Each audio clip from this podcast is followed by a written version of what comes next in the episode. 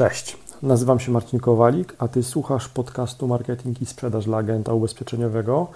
Mm, zanim przejdę do konkretów, jedna ważna informacja.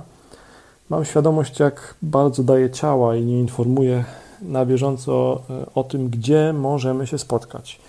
I postanowiłem, że poprawię się i teraz te wszystkie terminy tych spotkań, konferencji, szkoleń, które prowadzę albo w których biorę udział, czy terminy, nie wiem, kawy w Warszawie, czy w Rzeszowie, czy w Szczecinie, na której możemy się spotkać. Wszystkie te terminy, daty, miejsca są w jednym miejscu.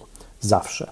Wejdź na marcinkowalik.online ukośnik wydarzenia, marcinkowalik.online ukośnik wydarzenia i tam znajdziesz wszystkie te ważne terminy. Ale przejdźmy do konkretów. Mm. W każdą sobotę na Instagramie, na moim Instagramie, marcinkowalik.online, czyli instagram.com ukośnik marcinkowalik.online. Zawsze tam znajdziesz e, ciekawy fakt statystyczny w ramach takiego cyklu Sobota Statystyczna. I teraz, w ostatnim odcinku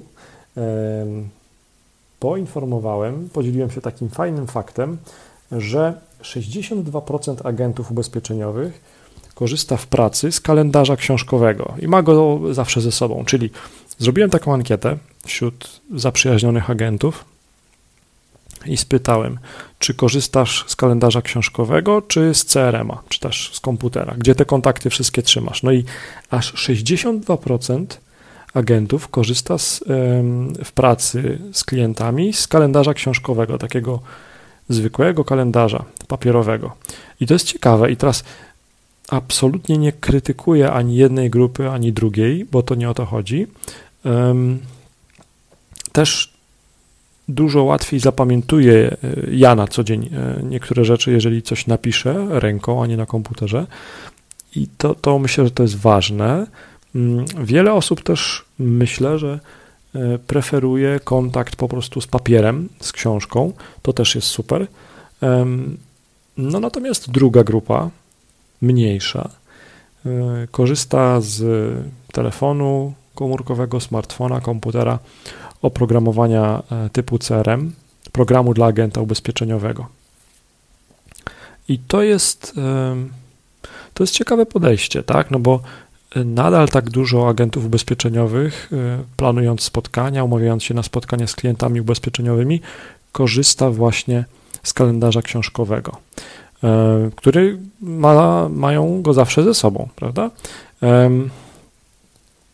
Mniejsza grupa na razie e, planuje, umawia te spotkania, zapisuje te wszystkie lidy potencjalne, czy też odnowienia, czy też szanse sprzedażowe, zapisuje w jakimś CRM albo w Excelu, albo, albo na komputerze, czy też e, na smartfonie.